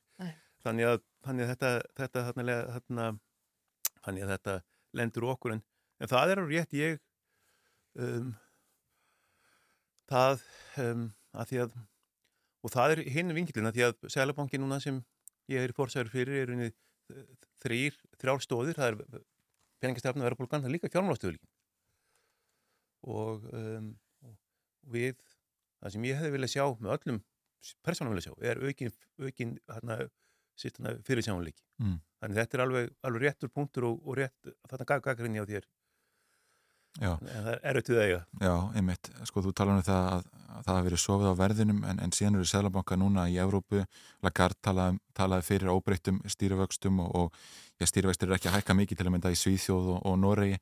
Um, já, eru þessir bankar að sofa verðinum og, og hvers vegna þurfum við Íslendingar alltaf að fara í svona mikla hækkanum en er- sigla lignan sjó? Þetta er hann góð, hann góð spurning en þess að það sem búið verið gangi út í, í, í, í löndunum kringa það, það, það, það hefur eiginlega ekki verið neinn verðbólka og efnæðslífu þar hefur verið í hálgýri stönn um, þannig að þau þurfa búin að býða til verðbólku um, það sem að við þurfum kannski að eiga við hér að, að fyrstulega er, er þessi uppsefla miklu kraftmeri heldur en við höfum búist við. Mm. við erum að vaksa hraðar. Það er margt að ganga við mjög vel það var 5% ástur síðast ári. Um, en svo eru sér íslenski þætti sem er að hafa ári verðbólka mæld með aðeins öðrum hætti hér en í öðrum landunum kring. Það fastna verið tekið inn í vísturlanum beinum hætti. Mm, ja, það er skilett ég, ég má ekki svara því ég, er bara, ég er svona lögum. Ég get ekki valið hvað vístur neyslu verið við þurfum það en, en þau aðtöðu það En þetta er sérstakt, að einhverju leiti Já, það er eitthvað sérst eitthvað leiti. Verðbólgu verið 3,6% eða það var ekki fyrir það en, en svo er bara stærra mál bara um, um, bara íslenska hagkerfi er bara mjög kraftmikið Mhm. og sem, sem það er gott og, og, og við þurfum að hafa, hafa heimil á því og, og hérna og, sko en okkur er að, er að fara fram ég við erum með önnum tæki ég um, það var oft talað um þannig stýrivesti var eina tæki sem Sælabankar hefðu. Ég, við erum fleiri tæki. Við þurftum að, að, að auka stýrivexti núna þannig að verðbúka konum í 5% og við þurftum aðeins að fara, mögulega að fara að, að bara semst, Mhm. aðeins að stífa hemlana. Sko, ásker bara rétt í lokin uh, fyrir þá sem að, að, hérna, að muna 13-14 ára aftur í tíman þegar að stýrifesti fóru hérna upp í tveggjastafa tölu í kringum hrunið og bara er tögakerfið er að fyrir á stað við hækkanir. Uh, erum við að fara að sjá eitthvað slíkt? Ég menna, getur verið að þú hækki bara stýrifesti áfram, ekki maður aftur ákvörun í hvað, april, mæ og svo framvegis?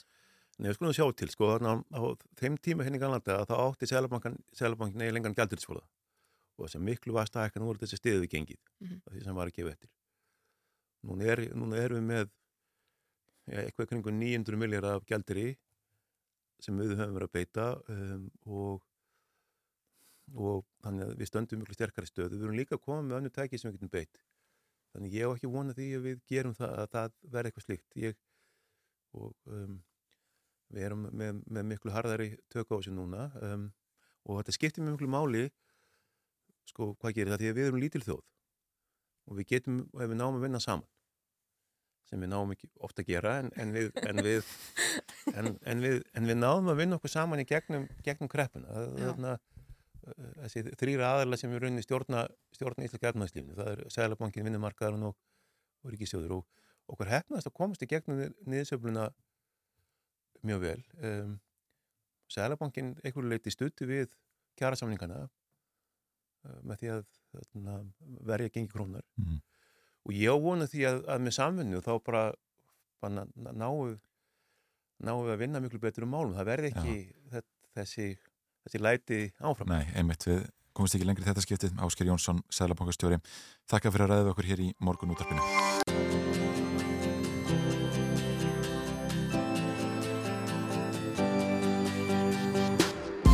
ert að hlusta á morgunútvarpið á Rástvö. Jú, frétt hefur þetta baki á morgun útvarpið heldur hérna áfram. Eh, Gríðrætt magn skjala er varveitt á þjóðskjálasafni Íslands frá tímum síðari heimstýraldar og nú eru ríflega 80 ár frá upphafi styrjaldarinnar en lögum ofinber skjálasöfn hveða áum að sá tími þurfa að vera liðin þar til almenningur fær aðgangað viðkvæmum personugögnum og hann er komin ykkar til okkar unnar Rafn Ingvarsson, fagstjóri á safninu, góðan daginn. Góðan daginn.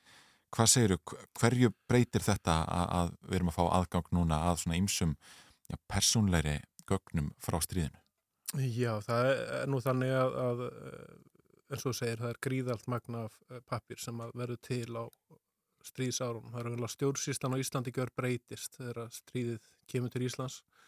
Eh, Það verður miklu, miklu meira til af gögnum og, og sérstaklega af eh, já, stjórnvöld þurft að fara að takast á við verkefni sem þau ekki tekistu áður sem eru mjög viðkvæm og hérna snerta kynlíf eða hvað enna Mhm. eh, eh, við þekkjum ástandi til dæmis sem er, sem er hérna, þetta, hérna mikið mál Já. og mikið af skjölum sem því tengjast Mhm. þannig að það sem gerist þegar að gögn vera 80 ára er að þá hættir e, það að vera persónlegt trúnaðamál e, líffólks, þannig að allur almenningur getur skoða gögnin og byrt e, greinar eða byrt gögnin e, vegna þess að þá er þessi persónuvendar e, hérna, klásula dottin út Mhm.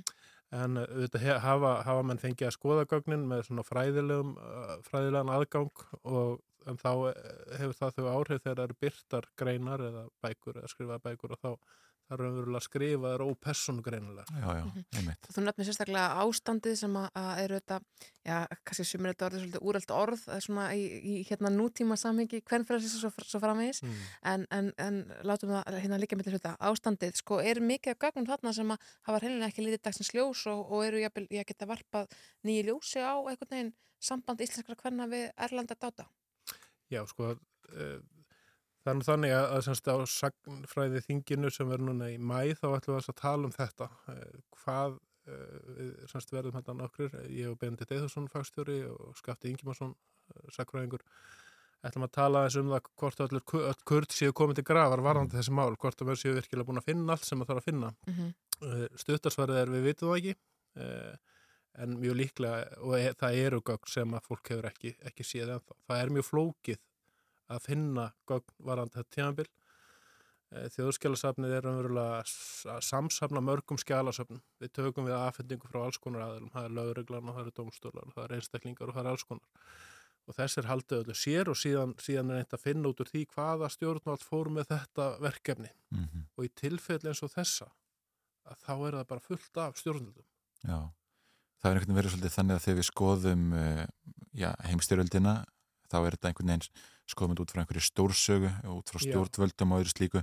En þarna gefst kannski að færa á að rannsaka ja, hlut Íslands út frá meiri einsögu sko hvað einstaklingar voru að gera og, og breyfaskrifti og annað slíkt. Algjörlega, það hafi einmitt núna bara síðustu mánuðinu, ég held sem þess að þættir hérna rúsum fjalla um, um hérna um umsóknir útlendinga dvalarleif á Íslandi fyrir stríð, það er þess að geðinga mm -hmm. Já, já það er byggt á gögnum sem eru opi núna því að þau eru á náttjára mm -hmm. þetta er viðkvæm persónuleg gögn og þau hérna, er ekki hægt að fjalla um það sem einstaklingsmál raunverulega fyrir en þau eru nú opin. Ekki byggt á þeim gögnum skosti. Nei, einmitt, einmitt. Og, og þetta eru sko þú nefnir alltaf ástandið og, og, og kynlíf eh, hvað fyrir nákvæmlega fram í þessum brefum og að hvað miklu leiti hefur þetta verið rannsakað þá ertu að tala um þetta svo kallar ástand e, það hefur náttúrulega talsett mikið verið rannsakað. Fyrir nokkur, nokkur ára síðan tíu árum rúmlega þá fundust gögn hreinlega sem tengdust þessu. Það var sem sagt þá e, gögn sem voru varvist á þjóðskjálfsafninu en sagt að vera enga gögn Jóhannu Knússon sem var lörglukona þau voru lókuð þegar þau síðan eru opnuð þessi, þessi skjálabungar kemur í ljós þetta er ekki enga gögn, þetta er ofinbergögn og þetta eru gögn sem varða rannsókn á konum á Íslandi. Og, Já, þetta voru mjög sjokkrandi Já, þetta kom mjög ekki óvart og það vissi lengið af þessu. En um, það sem að í kjölfarið gerist er að ímsir fara að skoða þessi mál og hafa skrifað greinar um þetta og, og, og skoða þetta í kjölinn.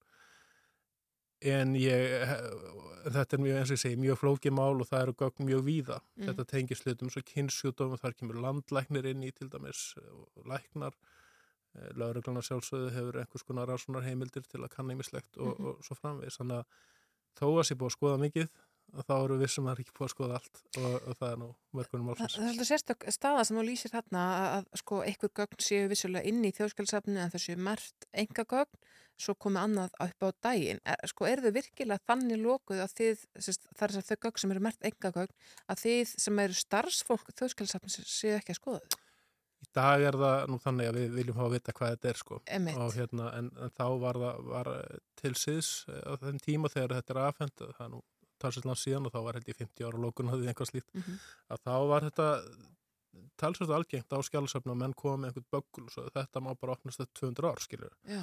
og menn tóku bara við því ég held að menn gerir það nú ekki í dag og hérna, við viljum vita hvað þetta er og hvers vegna menn er að úrska eftir svona mikið leind á gögnum Mitt. það er þannig með ofinbjörgögn, þau eiga ekki að vera lókuð, Mm. megin reglan svo þau eru opinn öllum almenningi, það er tilgangur með að geima þau, það er að fólk geti skoða þau sko. Já, já.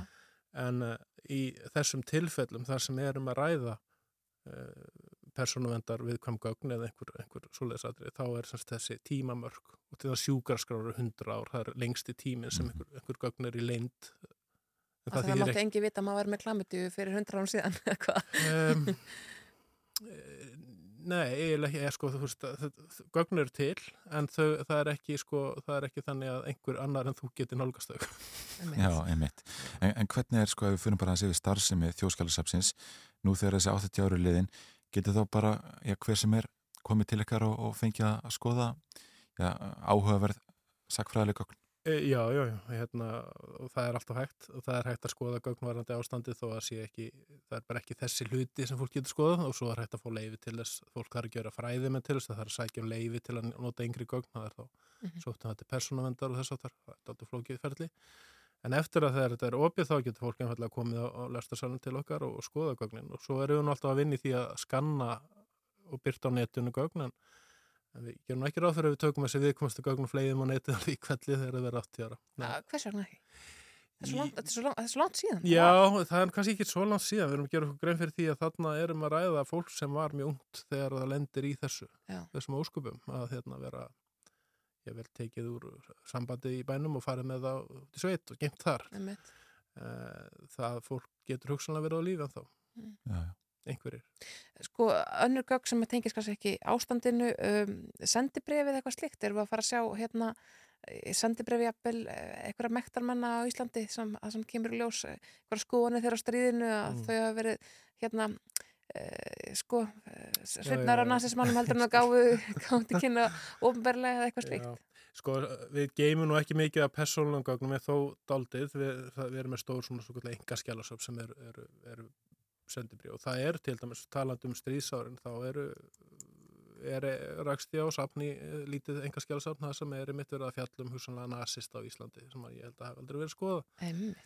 eh, Já, já, það, sko, það, eitt hlut af því að það sé við, eitthvað sé viðkvæmt er að eru stjórnmálaskoðanar. Stjórnmálaskoðanar eru te- tekka bara eins og viðkvæmt Nákvæmlega. í, í hérna, persónumvendalögum og lögum ofnbyr skjálasum. Þannig að hérna, einhvað verður um það en, en eh, sko, munu þessi gögg sem menn hafa ekki vitað að breyta megin niðurstöðunni, nei, alveg örglega ekki, en þetta, þetta er önnur nálgun kannski. Já, já, og síðan er líka örlítið rætt þarna um, um óta Íslendinga við njóstnir fyrir Já. stríð í þessum gögnum.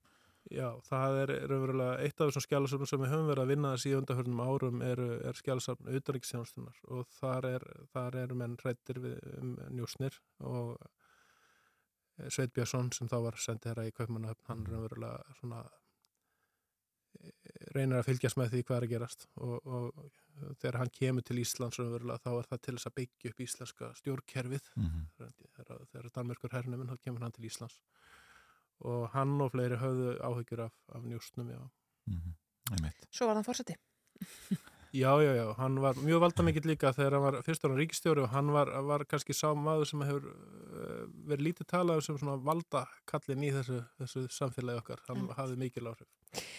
Unnar Rapp Ingarsson, fagstjóri hjá Þjóðskjálisafninu, takk kærlega fyrir komuna í morgunúttarpið. Takk. Við ætlum að uh, ringja norður til Skagastrandar hér eftir skamastund. Já, já, við ætlum að að gera það. eh, Þar, eh, já, húsnæðis og mannvirkjastofnun og Sveitasjótt Skagastrandar hafa gert með sér vilja viljusingum að fjölga íbúum í Sveitarfélaginu og við ætlum að heyra í Sveitastjórunum Aleksandrum Jóhannesdóttur. Einmitt. En fyrst smá tónlist.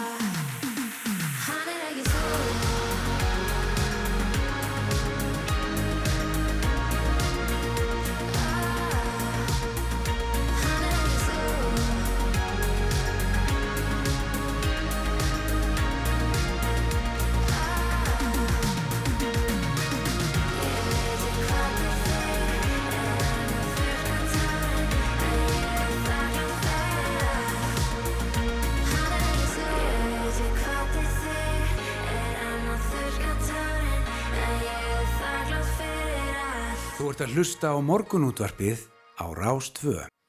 Jú, jú, setni hálfleikur hérna í morgunúttarpinu á Rás 2 og nú ætlum við til Skagastrandar það sem sveitarstjórn og húsnæðis og mannverkjastofnun hafa gert með sér vilja yfirlýsingum að fjölga íbúum í sveitarfélaginu en á Skagastrand hefur einingis ein ný íbúð risið á undanförnum áratug og sveitarstjóri Skagastrandar Alexandra Jóhannesdóttir er komin á línuna, góðan daginn Góðan og blessaðan daginn. Hvað fælst í þessum áformum ykkar? E, þetta felurinn í sér að við viljum fjölga íbúðum í sveitafélagin í samstarfi við HMS. Það hefur e, verið erfitt bæða að fá aðganga fjármagni og hérna að því að byggingakostnaður e, er svo dýr með við markasverð á fastegnum og með því að skrifin til þess að vilja auðlýsingu að þá sjáum við fyrir okkur að við getum loksins farið að byggja upp sveitafélagið eins og þarf til þess að við getum fjölga aðlumtækifærum og það fer náttúrulega allt í sig að við viljum fjölga íbúum, ekki bara íbúðum. Þannig að það er svona markmiðið. Veit. Og, og, og hvernig verður þetta nákvæmlega gert?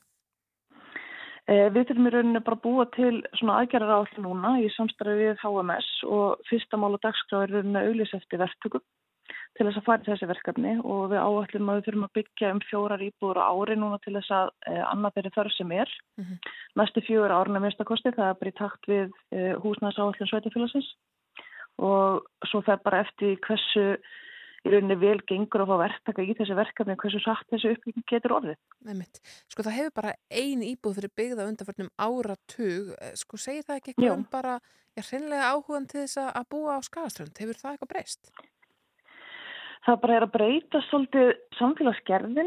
Eh, Þeir sem að byggja í rauninni húsnæðið, eh, þetta sem- sem var byggt í fyrra, þetta einbýlishús, að það eru bara íbúar sem eru hér og, og seldu sína fastegna á, á góðu verði af því að það hefur verið að hækka eins fastegnaverði sem skapaði fórsandi fyrir þau til þess að byggja sér.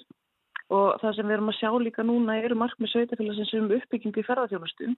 Þannig að við sjáum náttúrulega fyrir okkur að við séum að fara að fjölga íbúum og samfélagsgerðin hefur breyst að því leiti að það náttúrulega hefur verið kannski að bætast aðeins við barnafjölskyldur hjá okkur. Og þá vantar í rauninni bæði húsnæði fyrir fólk sem er að byrja að búa og fyrir þess, þetta yngra fólk sem annarkort vil koma heim og setjast hér að eða að flytja bara heiman einfallega og að því við erum með mikið af uh, eldra fólki sem býr kannski eitt í stórum húsum þannig að við þurfum húsnæði fyrir unga fólki og við þurfum húsnæði fyrir eldra fólki til þess að geta mikka við sig sem losa þá í rauninni líka þessi stærri einbýlishús fyrir barnafjölskyldunar Já. þannig að þetta er bara svona ákveðin rúlletta sem er að fara í gang og, og allavega tímapunktur er verðist að vera núna. Og það hefur kannski ekki verið íbúðskorti fram að þessu en við höfum verið að finna fyrir í marktakt síðasta árið bæði með fjölgun og störfum og, og eins og segi, síðan bara eru, er unga fólki okkar að, að eldast og, og vil fara að koma til þessu fótunum þannig að þetta er einhvern veginn svona helst allt í hendur. Sko hver eru aðtunum möguleikarnir á Skagaströnd? Uh, við erum með starfrækta greiðslistofu vinnumálastofnar uh, fyrir all landið hérna á Skagaströnd og það eru um 30 störf sem eru þar. Uh, við erum náttúrulega með annars besta vinnustæðin hér bara í grunnskólanum hjá okkur þannig að það eru störf þar. Um, það er uh, sterkur sjávarútvöður í smábátútgjur og það hefur uh, aukist mjög mikið uh, síðustu 5-10 árin. Já. Þannig að það er, það er alls konar, alls konar tækifæri. Við reykjum, reykjum uh, sjávarlíteknisetri biopól þar sem við erum með uh, nokkra mastertnema og doktora og þannig að menturastíði það er mjög hátt og spennandi tækifæri fólk uh, til þess að koma og, og starfa þar og höfum verið að fá nema og, og starfsfólk frá uh, Danmörku og, og fleiri löndum til þess að koma og starfa með okkur þar þannig að það er nú kannski aðeins svona fjölbrettari uh, tækifæri en fólk kannski gerir sig grein fyrir. Þannig að það er, það er ímislegt sem að hægt að sísla. Já, og Og svo náttúrulega viljum við, við já, svo fyrir ekki, svo náttúrulega viljum við byggja upp ferðarþjónustuna og þá náttúrulega munum skapast eitthvað tækifæri þar líka fyrir áhuga sem aðala þarum. Já, já, og síðan skiptum við alltaf líka miklu málið þessi fjárvinna sem er kannski komið til að vera. Algjörlega og það er unni hluti af uh, markmiðu sveitafélagsins uh, við erum að taka í gegn núna stjórnsýsluhúsið okkar og eitt af markmiðanum þar er sagt að búa til svona uh, ákveðna aðstöðu fyrir fjárvinu uh, kannski ekki alveg skrifstofu hótel en samt svona hérna, eitthvað góð aðstöðu fyrir fólk þess að geta sýnt bæði störfum án staðsetningar og fjárvinu þannig að maður sér nú hérna, markmið til dæmis svona áslöðurnu ráð þeirra varandi hérna, ráðunit án staðsetningar þetta svona er að færast meir yfir í þennan fasa þannig að við erum tilbúin þegar kallið kemur Mm -hmm. Einmitt. Uh, hvað gerir á fyrir að þetta, sko, þessi áallin takja langan tíma? Hvenar, hvenar verður að fjölga fólki á, á skagaströnda þegar búið verður að byggja ný hús?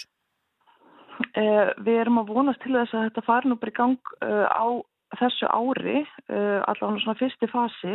Við munum auðvisa eftir um, byggingaræli núna bara á næstu mánuði gerir á fyrir og það er áallega að byrja á semst, uppbygging á sjópöðum á næsta ári Þannig að þegar þetta svona fer allt að gerast að þá, hérna, að þá eins og ég helst þetta í hendur en það er svona spurning eh, hvernig, hvernig við bara verðum hjá verktökum og vonandi bara verður tekið vel í þetta verkefni.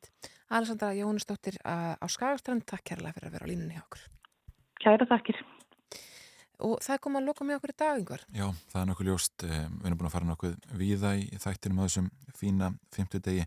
Rættum að þessum gögn á þjóðskjálasafni Íslands um já, síðar í heimstyrjöldina. Þau eru að opna núna 80 ár fyrir upphafi styrjaldarinnar og, og þá já, má opna viðkvæm gögn. Nefnitt. Svo kom Ásker Jónsson, sælabankastjóri til okkar og rætti stýrifasta hækkununa í gær. Já, við rættum einnig við, já, núverandi forman Dýravendar samband Íslands sem ætlar að, að já, ekki ekki á kosti sér áfram uh, og stopna ný samtök núna í vor Já. sem einbeta sér að því að, að hlúað velferð dýra sem, já, vissulega eru uh, nótuð uh, til, til eldis og ræktunar. Emitt, svo kom til okkar Flósi Eriksson frá starfsgrunarsambandinu og var að tala þess um svona bara, já, báa stöðu uh, restingafóks á vinnumarkaði. Það Já. var mörg hodn að líta þar og, og pínu sjokkrandi það sem að hann hafi að segja um það. Ég mælu með að fólk hlusta á það Já, viðtal. Bæði hvað var launin einhvern veginn og líka hvernig við komum fram við uh, ræstingafólkið á okkar vinnustöðum. Já, Það sem oft er þetta sama fólkið uh, sem við heitum á hvernig einsta degi en þetta er ekki fólk sem er að, að mæta í, í einhverjum svona starfsmannagliði til að mynda. nei, emitt og og oft veit maður ekki eins og hvað það heita, sko. Nei, einmitt. Það var Og óþægilegt. og við byrjum þáttinu á því að, að heyra já, í uh, Guðmundi Hrafni Argrímsinni, stjórnarmann í samtökum með leigind á Íslandi, sem voru nýla að setja upp reiknivel sem sýnir svona viðmöðunarverð leigu. Þetta er, já, margir sem þekkja þessar reiknivelar frá löndunum í kringum okkur, en nú á að vera hægt að slá þetta inn hér á landi. Við verðum hér aftur með okkur á morgun, Snæru Sundardóttir og Yngvar Þór Björnsson. Takk fyrir í dag.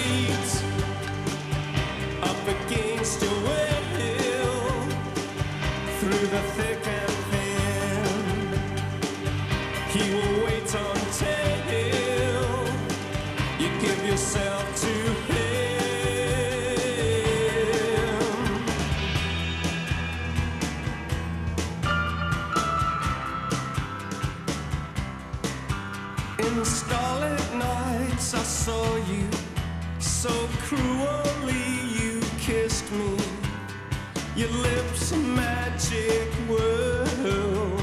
Your sky all hung with jewels. The killing moon will come too soon.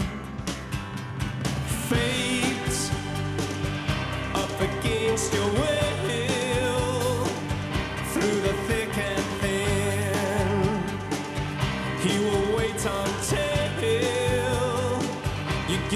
myself to him.